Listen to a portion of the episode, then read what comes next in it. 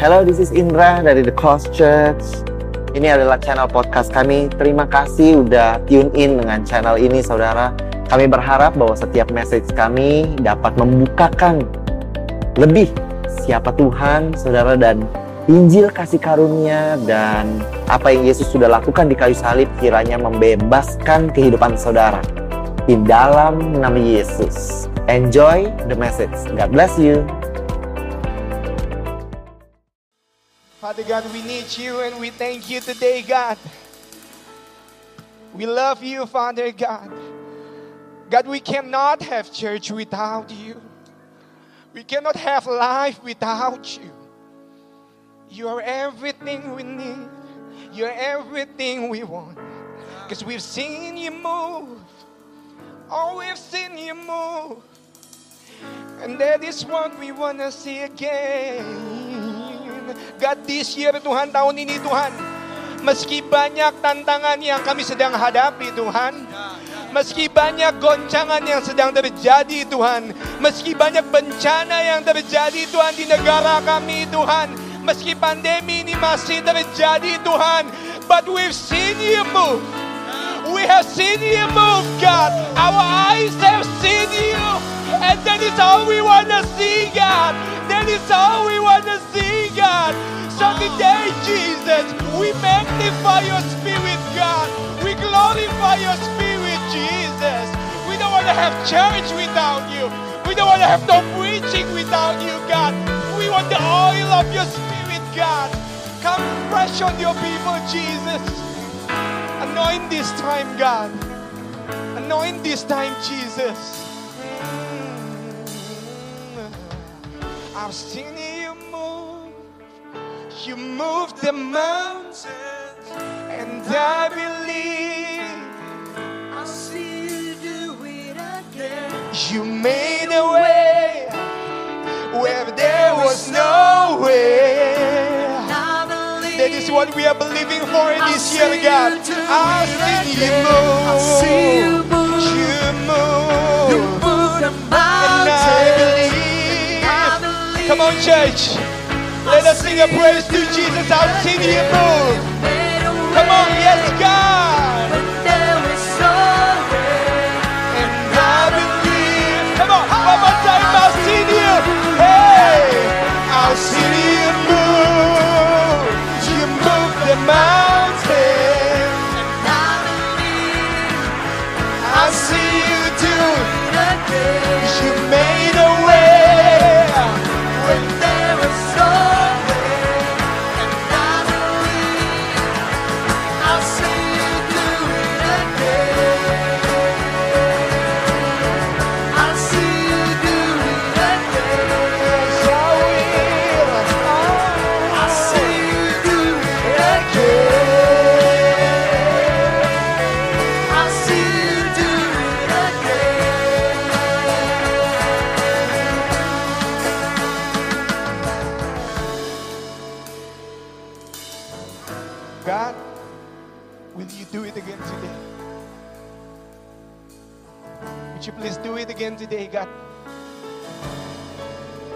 Banyak dari kita yang uh, kami tidak yakin Tuhan bagaimana cara menghadapi tahun ini tanpamu Tuhan. Bagaimana cara menghadapi virus ini tanpa kasih dan perlindunganmu Tuhan. Banyak dari kami yang uh, sakit fisik dan sakit hati kami Tuhan.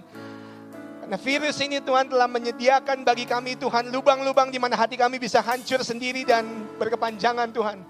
So today God, as we face this new year Tuhan, sambil kami menan- menghadap Tuhan tahun baru ini Tuhan, doa kami adalah Tuhan, God, would you do it again? Would you do it again God? We want to see you. Our eyes would want to see you God. Thank you Jesus. Thank you, Jesus. And in the name of Jesus, every heart that is open, every eye that is now focused and directed to you, God, we want to see you. Pour out your spirit. In the name of Jesus, we pray. Amen. Amen and amen. You can give a clap to Jesus if you would like to. Oh, come on, you can give a clap to Jesus if you would like to. Come on now, after a year like 2020, you deserve it, God. Thank you, God. Thank you so much, everybody. Thank you so much. Hari ini kita akan ah, membaca dari sebuah kisah saudara. I love the theme of this month. Tema bulan ini adalah provision. Provision berbicara mengenai bagaimana Allah Jehovah Jireh Allah yang adalah penyedia, yang adalah supply. Wherever there is a demand, wherever there is a need, wherever there is a pain, wherever there is a space for your heart, we have a God who is ready to supply. Amen. Amen. Saya akan uh, berusaha untuk menyelesaikan sesi khotbah pada siang malam atau pagi hari ini dalam waktu 30 menit saudara. And let's read. Firman Tuhan hari ini uh, saya ambil dari Lukas 7. Lukas 7.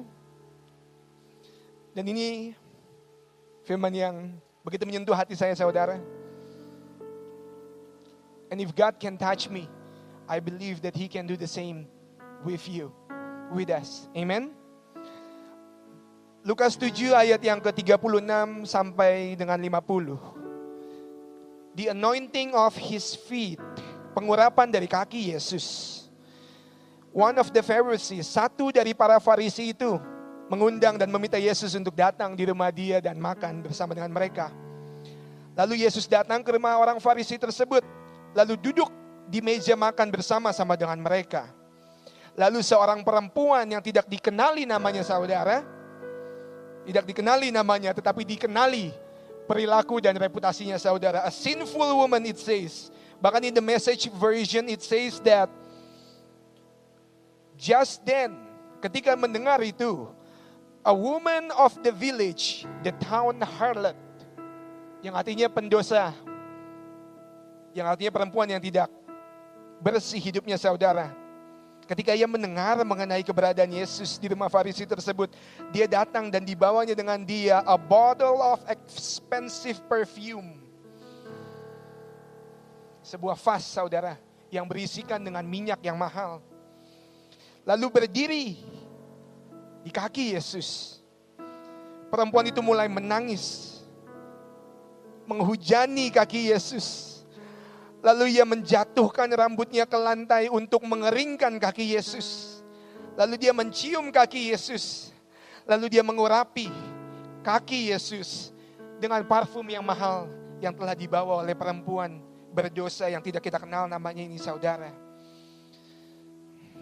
Lalu melihat kejadian tersebut, orang Farisi yang mengundang Yesus Melihat itu berkata di dalam hatinya saudara dia berkata kalau kalau orang yang kukira nabi ini maksud Simon the Pharisee maksud orang Farisi ini adalah kalau kalau Yesus manusia dan nabi yang kuundang ini adalah benar nabi tentu ia mengetahui perempuan macam apa yang sedang berjatuhan di kaki Yesus, menyentuh kaki Yesus, nangis di kaki Yesus, mengurapi Yesus, dan mengeringkan kaki Yesus dengan rambutnya saudara.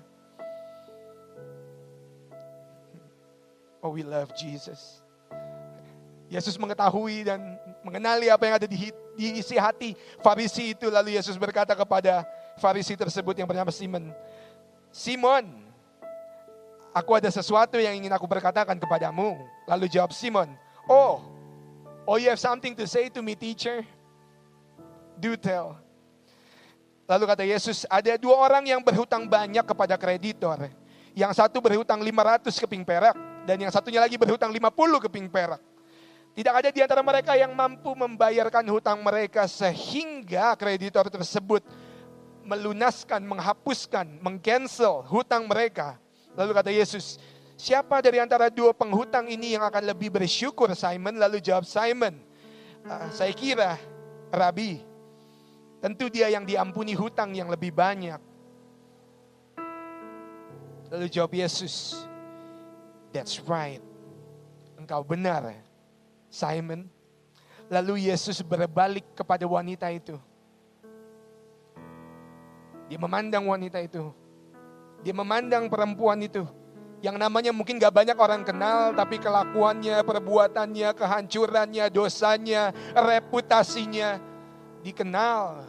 Buruk, saudara. Isn't the Bible relevant until today? Kadang kita nggak ingat siapa nama orang, tapi kita bisa ingat kelakuan jahat atau kelakuan nggak benar atau atau reputasi buruk yang dia miliki. Isn't it relevant until today that it is easy for us ini mudah bagi kita lakukan bahkan uh, di gereja sekalipun terkadang saudara kami kita masih gagal untuk memandang setiap sahabat kita sebagai anak Tuhan di luar dan di balik dari setiap kegagalan yang kita dapat lakukan saudara. And it's beautiful. It says that Yesus lalu berpaling kepada wanita tersebut. Sambil berpaling ia berkata kepada Simon, dia bilang, "Lihatkah engkau perempuan ini?" Engkau tidak memberikan aku sebuah sambutan ketika aku datang. You provided no water for my feet. Engkau tidak menyediakan air untuk membasuh kakiku karena pada zaman itu saudara uh, mereka tempat dari mana Yesus ada, Yesus sebagai manusia ada adalah padang pasir yang begitu banyak lumpur, debu dan tanah di kaki saudara sehingga ini adalah sebuah tradisi bagi sebuah tamu ketika tamu datang kepada rumah seseorang Pemilik rumah akan memberikan air untuk membasuh kaki. Yesus berkata, Lihatkah engkau wanita ini? Aku datang ke rumahmu Simon, tapi engkau tidak menyediakan air bagi kakiku. Tetapi wanita ini dia menghujani kakiku dengan air matanya. Lebih dari itu ia mengeringkan kakiku dengan rambutnya sendiri. Hmm. Engkau tidak memberikan bagiku sambutan, tapi dari aku ada di sini. Wanita ini tidak berhenti-hentinya mencium kakiku. Kau tidak memberikan aku penyegaran, tapi perempuan ini, wanita ini, ia menyegarkan kakiku dengan dengan minyak, minyak yang harum. Hmm, impressive, isn't it? Luar biasa, bukan?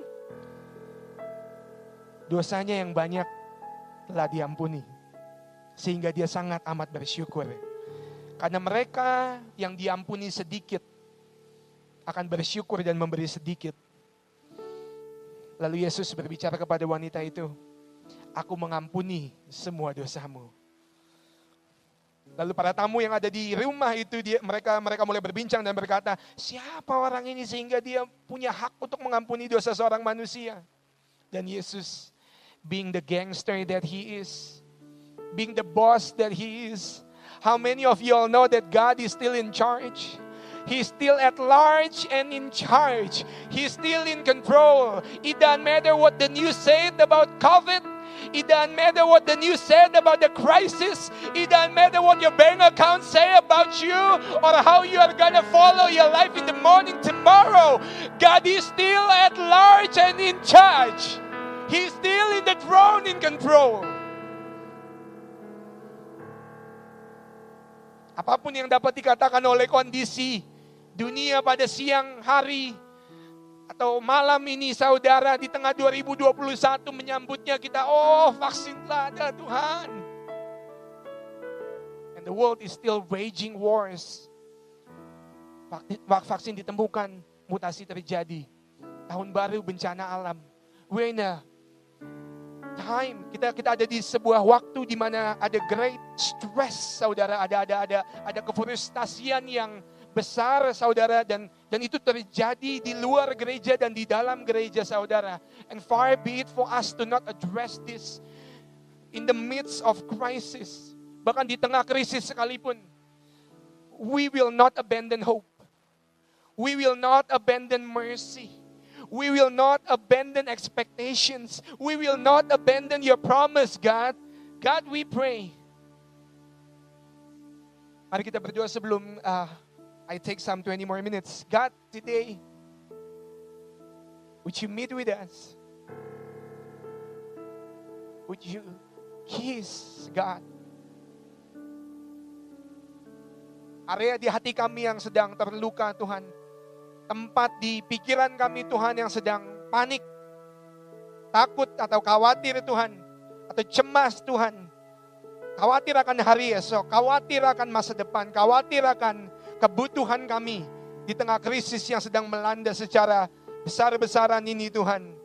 Tuhan, Would you come and kiss, God, the places in our hearts that are hurting and are broken and are damaged, God? Would you come and meet with us here again, God, and do what only you can do, Father God? Our heart is yours, our attention is yours, God. We belong to you. In the name of Jesus, we pray.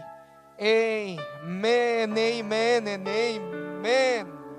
Sebelum saya mulai, saudara saya uh, ingin mengucapkan rasa syukur saya kepada gereja ini, The Cause. I am honored and privileged to be with you and to be loved by you, and I thank you so much. I thank you so much. I want to thank the church for your love, your perseverance in the midst of crisis. You continually love, believe, expect, and give. And I believe, saya percaya saudara, waktu kita memberi, waktu kita mengasihi, waktu kita menghidupi kerajaan sorga di tengah-tengah krisis ini saudara, sinar Tuhan yang kuat akan menerangi kegelapan, amen.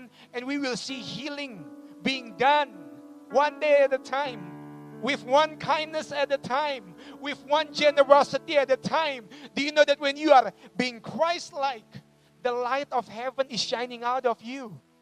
And there is a perfume aroma there. There's a light in the midst of darkness there.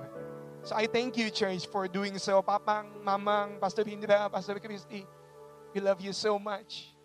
We honor and thank you today. Thank you for being the man and woman that we always dream to be. Terima kasih untuk menjadi contoh dan teladan dan pilar akan kesetiaan, pilar akan kepercayaan buat hidup setiap kami dan semua pendeta yang ada di tempat ini, yang ada di gereja ini membangun gereja ini, Pastor Juliam dan Pastor Rizka, I honor and love you deeply. I love you guys so much. Pastor Yohanes dan Pastor Grace, terima kasih atas kesetiaan dan sacrifice kalian. I'm here because you all love us. And I'm thankful.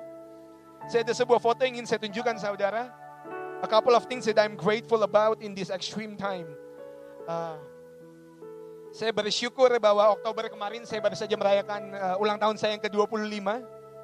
Dan lebih dari itu ada satu hal yang saya lebih bersyukur lagi saudara. Saya minta untuk uh, fotonya boleh tampilkan uh, my brother. Yes, this is a picture of me and my wife. Dan dalam beberapa hari ke depan kita akan sama-sama merayakan, saya dan istri saya, sorry, akan sama-sama merayakan our anniversary, ulang tahun dari uh, our union yang kedua, saudara. Saya bersyukur buat istri saya. I honor you today, my wife. I thank you for your love. I thank you for your sacrifice in our household. Before we go on, I have a little story, saudara. Today we are going to talk about extreme cases. Hal-hal yang ekstrim di mana uh, ini menjadi hal yang new normal bagi kita. Kerja dari rumah. PSBB. Mall tutup jam 7. Indomaret buka jam 10. New extremes and new normal, saudara. Saudara saya, uh, saya pecinta musik, saudara, dan film. Dan uh, semenjak saya usia mungkin kuliah sampai sekarang, kalau saudara tanya genre apa yang saya paling nikmati, gak banyak, saudara. My top three are R&B and hip hop, rap, and gospel. Those are my top three. Terus saya punya banyak sahabat uh, SMP, SMA saya yang saya masih bermain hingga sekarang. Uh, satu kali, kurang lebih satu tahun setengah lalu, waktu dia jemput saya dari kantor saya, saudara, untuk uh, pergi makan keluar sebentar. Ini zaman sebelum COVID, saudara. Saya masuk ke mobil sahabat saya yang seorang pria, very manly man. Dan satu detik dari saya masuk ke mobil sahabat saya sebelum saya duduk, saya bisa mendengar dan menyadari kalau di tengah mobil itu, saudara, he was blasting on some K-pop. Dan honestly saudara, no disrespect to the Korean culture, I love you better now even. Dan menurut saya, oh my God, aduh kalau bisa jangan dengar lagu yang kayak gini-gini. I cannot handle this, this is too soft. Cowok-cowoknya, aduh rambutnya, sorry, no disrespect. Bahkan make upnya lebih tebal daripada makeup banyak dari perempuan yang ada di gereja ini kadang saudara walaupun mereka pria. So I was unable to deal with Korean pop music for the longest of time. Tapi new extreme and new normal COVID. Dari akhir tahun 2020 saya I am honored and proud to say that I am a big fan of Korean music. Bahkan saya nonton banyak Korean drama saudara di tengah pandemi ini. Sekarang dulu bagi saya, saya nggak bisa banget nonton drama. I love movies, but give me the fantasy, the action. Don't give me the dram, the drama, drama Korea yang oh ibunya nangis, anaknya nangis. Aduh saya nggak kuat saudara. But to be honest, to tell you the truth, tiga bulan terakhir ini saudara, saya udah nonton lebih dari lima serial Korea. Saya punya playlist yang lagunya lebih dari 30 lagu Korea, saudara. I don't even know what they are saying, but I'm a fan now. It is an extreme time for me, saudara. And to take it into a more serious account, let's dive in the Bible, shall we? Extreme places. Kejadian yang terjadi pada passage ini, saudara. Saya mau bagi, saya mau pecah tiga bacaan dari kita uh, yang barusan kita baca tadi. Yang pertama ingin saya bahas adalah saudara, the setting of her gift. Today, karena saya tahu banyak dari saudara yang ingin tahu apa yang kita pelajari sebelum saudara mempelajari bahan tersebut. I'll give you my title. Judul dari uh, pembicaraan saya pada siang hari ini adalah A Sinner's Offering. A Sinner's Gift, if you may call it so. A sinner's worship. A sinner's sacrifice. Your life, the life you live, is a sacrifice, church. It's a worship. The dream and the call you have deep down in your heart is a, is a, is a seed, seed of His love that is burning down in your soul. Today, let's read about it. Mari-mari kita dengar mengenai uh, background, tema dari persembahan ini, saudara. The setting of her offering. Satu dari orang Farisi, Farisi itu yang bernama Simon mengundang Yesus untuk makan dengan mereka. Jadi backgroundnya adalah Yesus sedang diundang untuk makan ke rumah uh, guru agama pada saat itu, saudara. Itu satu elemen dari tema yang pertama. Lalu Yesus duduk, duduk dan makan bersama-sama dengan mereka. Dan ketika seorang perempuan di dalam kampung tersebut, dalam kota tersebut, perempuan yang tidak dikenali namanya tetapi dikenali reputasi buruknya mendengar mengenai keberadaan Yesus di kota dia. Dia segera, saudara, dia segera menghampiri rumah tersebut. So this is the setting of her offering. Ketahuilah saudara bahwa pada zaman tersebut, pada era tersebut, makan-makan itu bukan sesuatu yang uh, casual. Makan-makan pada era tersebut adalah something yang uh, festive, celebratory. Kayak nanti kita ada Chinese New Year. Ini kan makan-makan yang bukan biasa-biasa aja. Christmas tanpa COVID, saudara kan kita makan-makan he heboh. Makan-makan pada saat itu adalah sesuatu yang besar, di mana uh, pemilik rumah yang mengundang mereka, tamu-tamu, untuk datang ke acara tersebut akan memberikan banyak. Isn't it beautiful how the setting of the story is about Jesus, mengenai Yesus diundang untuk makan di tempat orang yang penting. Dan orang penting tersebut memberikan banyak bagi Yesus. Tapi judul dari perikop ini adalah The Anointing. Pengurapan. Pemberian dari apa yang wanita, mohon maaf, yang pada saat itu adalah rendah kastanya saudara. Tapi tidak sekarang. I live in a place, I am grateful, saya bersyukur bahwa saya sekarang hidup di zaman di mana perempuan adalah sosok yang luar biasa. Sosok yang berkualitas saudara kepemimpinannya, kehidupannya, persembahannya, teladannya dalam hidup karakternya saudara. I am grateful that I am surrounded with great women like Shandi, like Rizka, like Mamang, like my wife and every one of you that I am not naming today. Tapi tapi pada zaman dulu saudara, perempuan yang kelasnya lebih rendah daripada laki-laki pada zaman era tradisi pada saat itu saudara. Dan bukan hanya itu tapi juga orang gak banyak yang kenal nama dia tapi rata-rata orang tahu siapa dia karena kelakuannya saudara. Jadi hal ekstrim pertama yang kita temukan adalah Yesus yang berada dan duduk makan di rumah seorang boleh dibilang uh, kayak kepala agama. Agama itu salah satu instansi yang penting pada zaman itu kepala agama. Dan datang di tengah-tengah itu seorang wanita yang berdosa. Tidak dikenali namanya. Tapi dikenali kebobrokannya saudara. This is the first thing that we're gonna talk about today. Ini hal ekstrim pertama saudara. Dan kalau saya boleh tarik sedikit kejadian ini dengan kehidupan kita pada saat ini. Dan di luar dari dosa, ada juga yang namanya kebobrokan fisik, ada yang namanya kebobrokan hati saudara, ada yang namanya gangguan mental saudara, apalagi di tengah-tengah masa ini saudara, di mana kita menghadapi banyak kebutuhan. Dan kita memiliki sedikit resources, kita memiliki banyak limitation saudara, banyak himpitan di dalam hidup. It was an extreme time then, and so it is. Just like an extreme, sama seperti waktu ekstrim yang sekarang ini sedang kita hidupi. Yang kita sama-sama harus jalani selama satu tahun terakhir dan masih berjalan sebagai normal barunya kita saudara.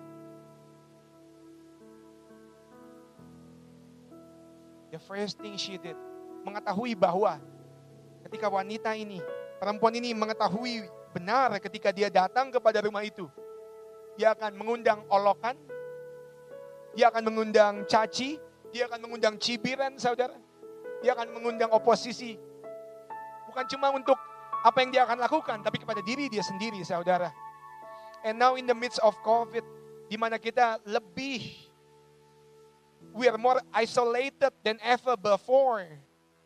Dan sambil kita menghadapi masalah kebutuhan ekonomi, kebutuhan pekerjaan, kebutuhan keluarga kita, kita juga karena kita sering sekali sendiri saudara, kita ditempatkan di posisi di mana kita harus menghadapi tantangan-tantangan hati kita sendiri saudara. More than any time now today we are seeing cases of physical sickness, emotional sickness, an extreme time, an extreme time. But thank God, the story didn't stop there. Siapa dari saudara yang mengetahui bahwa kasih Yesus, Yesus, Raja kita, Tuhan kita, is an extreme God. Dia Allah yang berlebih, saudara. Dia Allah yang berlebih. Dia Allah yang berlebih. Thank you, God. And before taking more of your time, I'm gonna go to the second portion of this scripture. Bagian yang kedua dari perikop ini adalah saya bagi menjadi elemen yang kedua yang saya sebutkan dengan elemen-elemen dari pemberian wanita ini.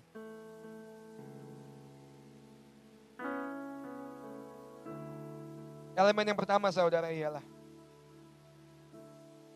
Having learned that Jesus was a guest in the house of the Pharisee, perempuan ini datang membawa wewangian yang mahal and stood at his feet, weeping, raining tears on his feet. Menjatuhkan rambutnya dan mengeringkan kaki Yesus dengan rambutnya sendiri. Lalu dengan tiada henti wanita ini mencium kaki Yesus. Lalu mengerapi kaki Yesus dengan wangi-wangian.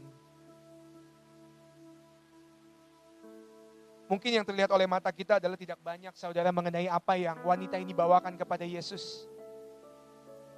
Dia bukan wanita yang memiliki kemampuan saudara seperti orang Farisi ini yang dapat membuka rumahnya dan menyediakan banyak makanan-makanan yang pastinya membutuhkan biaya yang cukup besar saudara.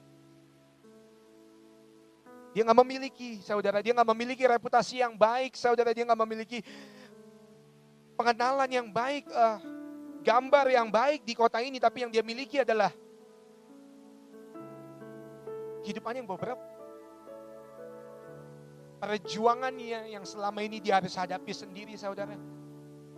Tapi ada something, ada sesuatu, saudara, yang terjadi ketika kita mendengar tentang Yesus kita. Wanita ini tahu Wanita ini kenal siapa rabi, nabi, Tuhan yang ada di tengah-tengah mereka. Karena cerita Yesus, karena pesan Yesus tidak berubah. Karena begitu besar kasih Allah akan dunia ini, Ia menyediakan, memberikan, merelakan anak yang tunggal bagi setiap kita. Sehingga barang siapa percaya, ia akan memperoleh kehidupan. Lalu ayat itu dilanjutkan. Ini pesan Yesus, saudara. Dari dulu sampai sekarang tidak berubah. Ini pesan Yesus. Bahwa anak Allah datang bukan untuk menghakimi dunia, tapi untuk menyelamatkan dunia. Anak-anaknya saudara, begitu besar kasih Allah. Kalau hari ini Anda merasa bahwa Allah ada di luar sana untuk menghukum saudara, kalau hari ini saudara merasa bahwa bencana terjadi karena kita kurang taat. Kalau bencana terjadi, kalau corona tidak selesai-selesai karena kita adalah manusia-manusia yang jahat dan Tuhan sedang menghukum kita dengan hukumannya. Ketahuilah saudara, kasih Tuhan tidak berubah, pesan Tuhan tidak berubah. Karena begitu besar kasih Allah akan dunia yang sudah hancur dan bobrok ini. Karena begitu besar kasih Allah akan kita saudara. Sehingga ia mengaruniakan anaknya yang tunggal bagi saudara dan saya. Jadi kalau besok, we don't know what will happen tomorrow. I wish, you know, we wish that we can tell you tomorrow will be better. The sleep tonight will be easier. That your physical pain, bahwa kesakitan fisik saudara akan mereda. We wish that we could tell you kalau mulai besok corona akan lama-lama reda, we wish we could tell you all of those things. But to be honest, kita kita manusia yang sama dengan saudara. Kita hidup di tengah waktu di mana ada banyak frustrasi dan ketidakpastian saudara yang besar di tengah-tengah this great pandemic attack saudara. Kita nggak tahu tuh besok akan seperti apa. Tomorrow will be like what we don't know that. We hope it will get better. We don't know what will happen tomorrow. We are not certain. Satu hal di tempat ini yang kita sama-sama yakini saudara. Kalau besok corona sudah habis atau belum, Tuhan masih tetap bertahta. Kalau besok sakit hati kita sembuh ataupun tidak, Yesus kita dia masih akan tetap setia. Kalau semua orang udah nyerah sama hidup saudara. Kalau saudara merasa semua orang sudah pasrah dengan pergumulan saudara, ketahuilah Allahmu, Bapamu, penyelamatmu, dia tidak akan pernah meninggalkan kita. Dia akan tetap setia untuk kita. Dia sama saudara. Dia sama setianya saudara. We don't know what tomorrow will, ha will happen. Perempuan ini tidak mengetahui apa yang akan terjadi ketika dia datang ke tempat dan membawa diri dia kepada situasi yang ekstrim ini di mana dia harus expose diri dia di hadapan para penghakim karena reputasi dia saudara. But our God is a is a strong tower. When this week waktu wanita yang lemah saudara hatinya, reputasinya saudara, harga dirinya saudara, kelasnya pada saat itu mempertaruhkan hidup dia dan membawa dia kepada kepada kejadian yang yang akan mengundang banyak masalah kepada hidup dia, akan mengundang banyak kritik kepada hidup dia, oposisi, celahan akan hidup dia, saudara. Ketika dia datang dan mempertaruhkan dia taruh semuanya kepada Yesus, saudara.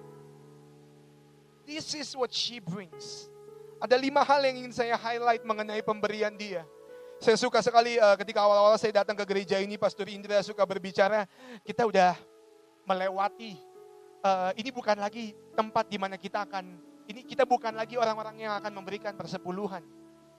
Kita akan memberikan perseluruhan. Saya ulang saudara, It's deep for me karena Pastor Indra bilang begini, kita kita akan memberikan lebih dari persepuluhan. Tempat ini, di, di, di, di gereja ini, yang kita berikan kepada Tuhan adalah kita punya perseluruhan saudara. And it's deep for me. Karena memberikan seluruhnya berarti memberikan semua yang baik dan tidak baik kepada Tuhan tapi Pastor Indra mengenai betul hati Yesus yang begitu baik, hati Yesus yang begitu rindu akan setiap kita. Dia nyatakan kerinduan dia di tempat ini bahwa yes, sama-sama kita akan merindukan untuk membawa kepada kaki Yesus perseluruhan kita. Tuhan perseluruhan kami milikmu Tuhan. Tiada lain yang pantas Tuhan. Bahkan kami yang kadang tidak menyukai Tuhan persembahan. Kesetiaan, pemberian, pelayanan, pekerjaan atau diri kami Tuhan. Tuhan, ma- sama seperti wanita ini Tuhan. Touch our heart in such a way that we would give you everything God. Hal pertama yang diberikan adalah she stood. Dia berdiri di kaki Yesus. So I suggest to you bahwa hal pertama yang wanita ini berikan ialah Here I am God. I know that everybody knows me by my mistakes. Saya tahu kalau semua orang mengenali saya dengan reputasi saya yang buruk, yang hina. But here I am, God. And the first thing I would want to give to you. Saya nggak punya banyak. Saya nggak punya banyak. Mungkin di hati wanita ini. But the first thing that I would want to give to you is myself. It's myself. It's myself. Oh, I wonder what would happen if all of us, the church of God, the people of God, would bring all of us to our lives, to our churches, to our families, to our ministries, to our businesses, to our work fields, to our marketplaces. Oh, I wonder what would happen if all of us together collectively would come to God. Though we are fearful, we will walk fearfully to the throne of God and say, God, this is my offering. Myself I give to you, God. Broken as it is, God. Unclean as it is. Unworthy as it is. But here I am, God. Come what may. Come what opposition may come. But here I am. Here I am. Because now I know that you are here and we give you. I give you myself. This woman said. Saya nggak datang untuk makan. Saya nggak datang untuk cari perhatian. Saya nggak datang untuk cari berkat. I came to be with your feet, God. Karena saya mendengar ada kesembuhan di kakimu. Karena saya mendengar ada cinta kasih di kakimu. Karena saya mendengar ada kesembuhan di kakimu. It touches me so much, saudara, di mana karena bagi dia untuk datang ini resiko besar, saudara. Dia bisa hi- dihina dan dipermalukan oleh semua orang untuk datang ke tempat ini. Tapi mengetahui apa yang sedang siapa yang sedang duduk di situ, Yesus juru selamat. Dia pertaruhkan semuanya untuk berada di kaki Yesus. She brings herself. She brings herself. Ooh. Hmm. Lalu yang kedua, saudara, elemen kedua yang dia bawa dalam pemberiannya, dalam sacrifice-nya dia, saudara, dalam penyembahannya dia adalah berdiri di kaki Yesus. Wanita itu mulai menangis. Menghujani air mata kepada kaki Yesus. Hmm. You know, uh, di tengah menjalani hidup, apalagi kalau kita udah percaya Tuhan Yesus lama, atau bahkan belum percaya sekalipun ada ada tantangan yang berbeda bagi setiap kita, right? Kadang kita merasa, oh, kayaknya capek ya Tuhan berdoa mengenai doa yang itu-itu lagi. Kayaknya capek ya Tuhan, saya aja doanya sedih Tuhan sehingga saya nggak mau doain lagi karena terakhir kali saya berdoa mengenai penyakit saya ini, terakhir kali saya berdoa mengenai sakit hati saya ini, terakhir kali saya berdoa mengenai kerinduan saya ini, nggak terjadi apa-apa dan yang ditinggalkan kepada saya hanyalah luka yang berkelanjutan, air mata yang masih ada di sana. But the second thing that hal kedua yang perempuan ini bawakan kepada kaki Yesus ialah air matanya saudara. Air mata di sini melambangkan semua kepedihan. Semua hinaan yang banyak dilontarkan untuk kehidupan dia dan dia cuma bisa telan sendiri saudara. Karena semua orang waktu melihat dia nggak melihat banyak hal kecuali perempuan rendah, perempuan berdosa, perempuan kotor. Mungkin nggak banyak yang kenal nama mereka, tapi rata-rata semua mereka mengetahui reputasi wanita ini saudara. Sehingga hal kedua setelah dia menawarkan dan mempersembahkan dirinya kepada Yesus, hal kedua yang dia bawakan adalah air matanya saudara. Kadang kita malu untuk berdoa mengenai masalah yang sama karena kita udah doa itu lima tahun lalu dan empat tahun lalu dan tiga tahun lalu sampai sekarang Tuhan. Saya udah malu untuk mendoakan hal tersebut. Can I ask a simple favor from you? Would you bring it again? Would you lay down? Your tears, your pain, your heartaches, your disappointments all over again. Would you lay it down at the altar of Jesus and see the healing of God move? And as you pour out your tears, as you cry out your hearts, kanya menangis saudara. Ini melambangkan kepedihan. Dan untuk hati ini bisa merasakan pedih, hati ini pertama harus diekspos dulu sama yang namanya berharap, hmm, bergantung, bermimpi, berangan-angan. Saudara berharap baik untuk kiri dan kanan. Saudara berharap baik untuk karir saudara. Saudara berharap baik. Hmm. And then when you hope, you expect, and you expose your heart to what will happen. Sekarang kita we are we are exposed to the possibility of being hurt. And along the way of life, we all hurt one way or another. And we all have broken tears, hidden tears that no one would see. But Jesus, dia bukan cuma nggak pandang hina saudara. Dia rindu untuk berada di tengah-tengah tangisan kita. Bersama-sama dengan kita saudara. If you're still crying in your heart today, because the sorrows of life that you are facing is endless. Is paining you. Tidur aja susah. Ketawa aja susah. God, don't you know that I'm hurting and no one would see to me that internally I am hurting. Everybody only knows my reputation that is bad. Jesus. Yesus. Yesus mengizinkan kita untuk membawa semua perasaan sakit kita saudara. Mimpi kita yang telah hancur. Kepedihan kita. Untuk menjadi persembahan. For God, when you give, when you open your heart, and you pour out your brokenness to Him, it's a gift. It's a gift. Dan hal yang ketiga saudara, dia menjatuhkan rambutnya, lalu mengeringkan Yesus. Rambut seorang wanita pada zaman itu ah, berbicara mengenai reputasi saudara. Berbicara mengenai honor. Berbicara mengenai you are a predicate, predikat seseorang dalam hidup.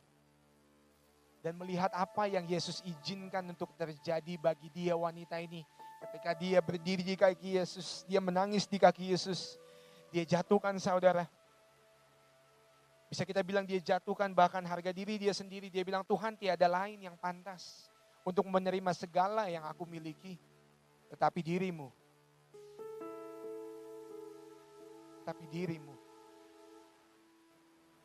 Lalu hal yang berikutnya dia berikan saudara ialah tanpa henti wanita ini mencium kaki Yesus.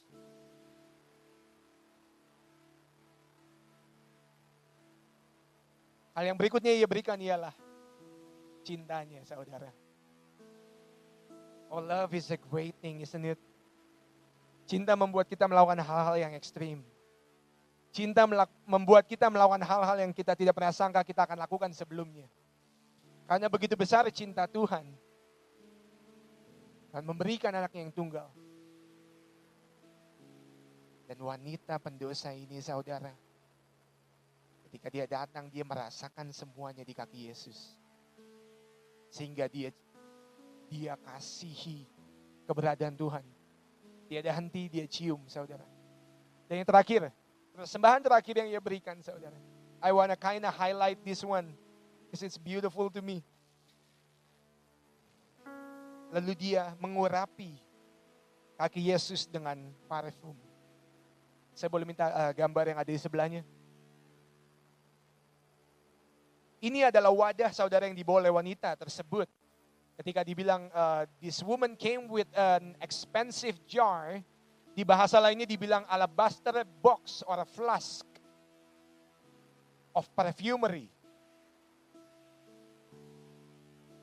Jar pada saat itu, apalagi alabaster saudara. Alabaster jar is not just a regular jar. Alabaster jar ada tradisi uh, pada zaman itu saudara, ketika seorang wanita ditunang, wanita itu akan membawa alabaster jar mereka, lalu menuangkan minyak wangi-wangian yang ada dalam dalam dalam dalam wadah itu kepada sang calon mempelainya. Jadi ini melambangkan perjanjian saudara. The alabaster symbolizes perjanjian. Perjanjian di antara seorang wanita dan seorang laki-laki.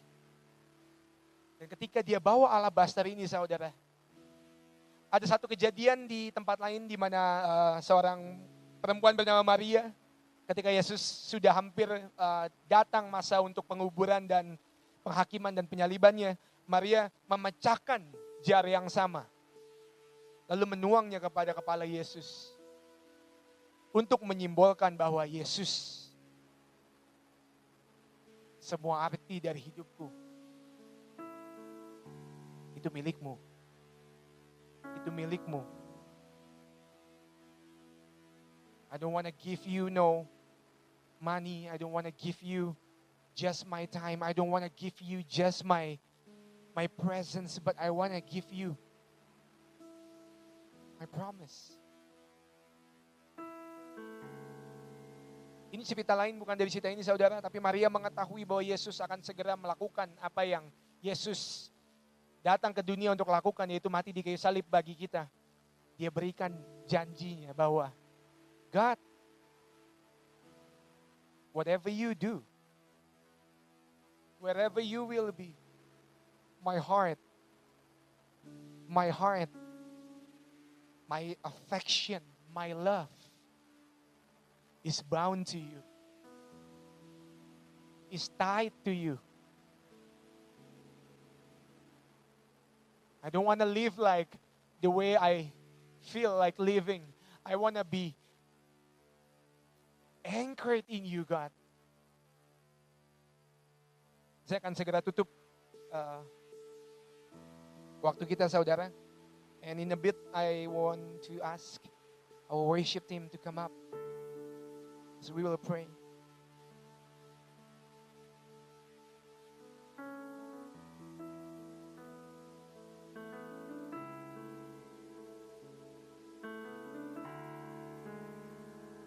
Tuhan kami nggak tahu Tuhan tahun ini akan jadi seperti apa. Kita nggak tahu Tuhan kalau hari esok akan menjadi lebih baik atau tidak. Kita tidak tahu Tuhan kalau masalah ekonomi atau masalah krisis kesehatan dunia ini akan mulai membaik dari hari esok atau tidak Tuhan. Tapi satu hal yang kami yakini di hati kami Tuhan. Satu hal yang kami yakini di benak kami Tuhan, di perasaan kami, di jiwa kami Tuhan adalah Tuhan whatever come our way tomorrow.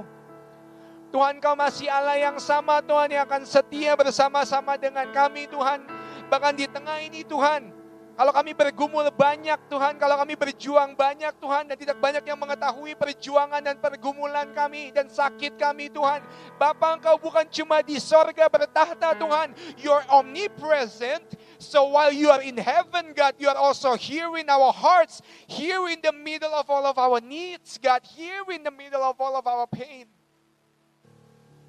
Today, today, as we talk on the theme of provision, ada satu ayat di uh, Matius yang berbicara mengenai di mana hartamu berada, di situ hatimu juga akan berada. Dan Pastor Yohanes berbicara begitu indah minggu lalu saudara, itu begitu memberkati hati saya. Dia berbicara mengenai tiada pemberian yang terlalu besar. Bagi mereka yang telah menerima begitu besar. God, your grace is nothing small. Your love is nothing casual, God. Your countenance for us, God. Your promises, Tuhan. Janji-janjimu, Tuhan, buat setiap kami. Bukan hal yang standar, Tuhan. Bukan hal yang biasa-biasa aja, Tuhan. Penyertaanmu, Tuhan, bagi setiap kami itu bukan hal yang kecil. Hal yang normal, hal yang biasa itu tidak normal, Tuhan. Kasih setiamu tidak normal, Tuhan. Extreme. So today may the God of extreme grace, amazing grace, amazing love, extreme countenance. Tuhan, God, we magnify your spirit and your love in the midst of us today. Kami tahu Tuhan ketika Engkau menangkap hati kami Tuhan. Ketika Engkau menangkap jiwa dan pikiran dan perasaan kami Tuhan.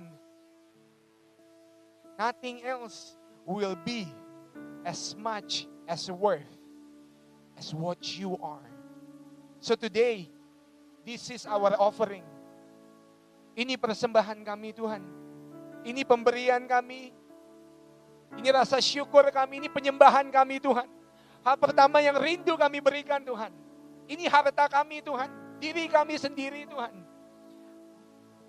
Kami persembahkan kepadamu Tuhan. Kalau ada dari saudara yang belum pernah menerima Tuhan Yesus dan saudara mendengar mengenai kasihnya, Hari ini please know that Tuhanmu tidak di luar sana untuk menghakimi atau menghancurkan kau, tapi di luar sana dan di sini untuk menyediakan. Yang wanita itu telah terima penyediaan saudara. Penyediaan di mana dia yang tidak pernah diterima secara utuh. For the first time, the creator of men and heaven and earth was face to face with her. And the thing yang dia lakukan adalah Yesus menerima. Yesus buka kaki dia untuk untuk diurapi, untuk diminyaki, untuk ditangisi, untuk didekati, untuk disentuh.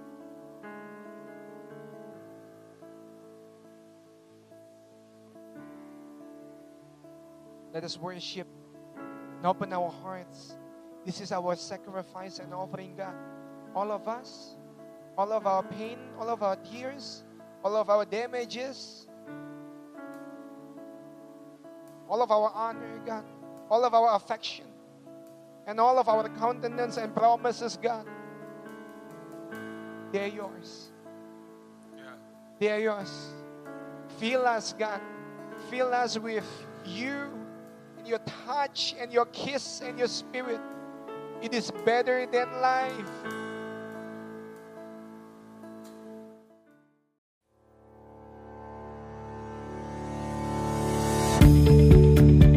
Terima kasih lagi sudah mendengarkan episode ini saudara dari podcast ini. Thank you so much saudara. Saya berharap bahwa Injil kasih karunia dan apa yang Yesus sudah lakukan bisa membebaskan kehidupanmu saudara.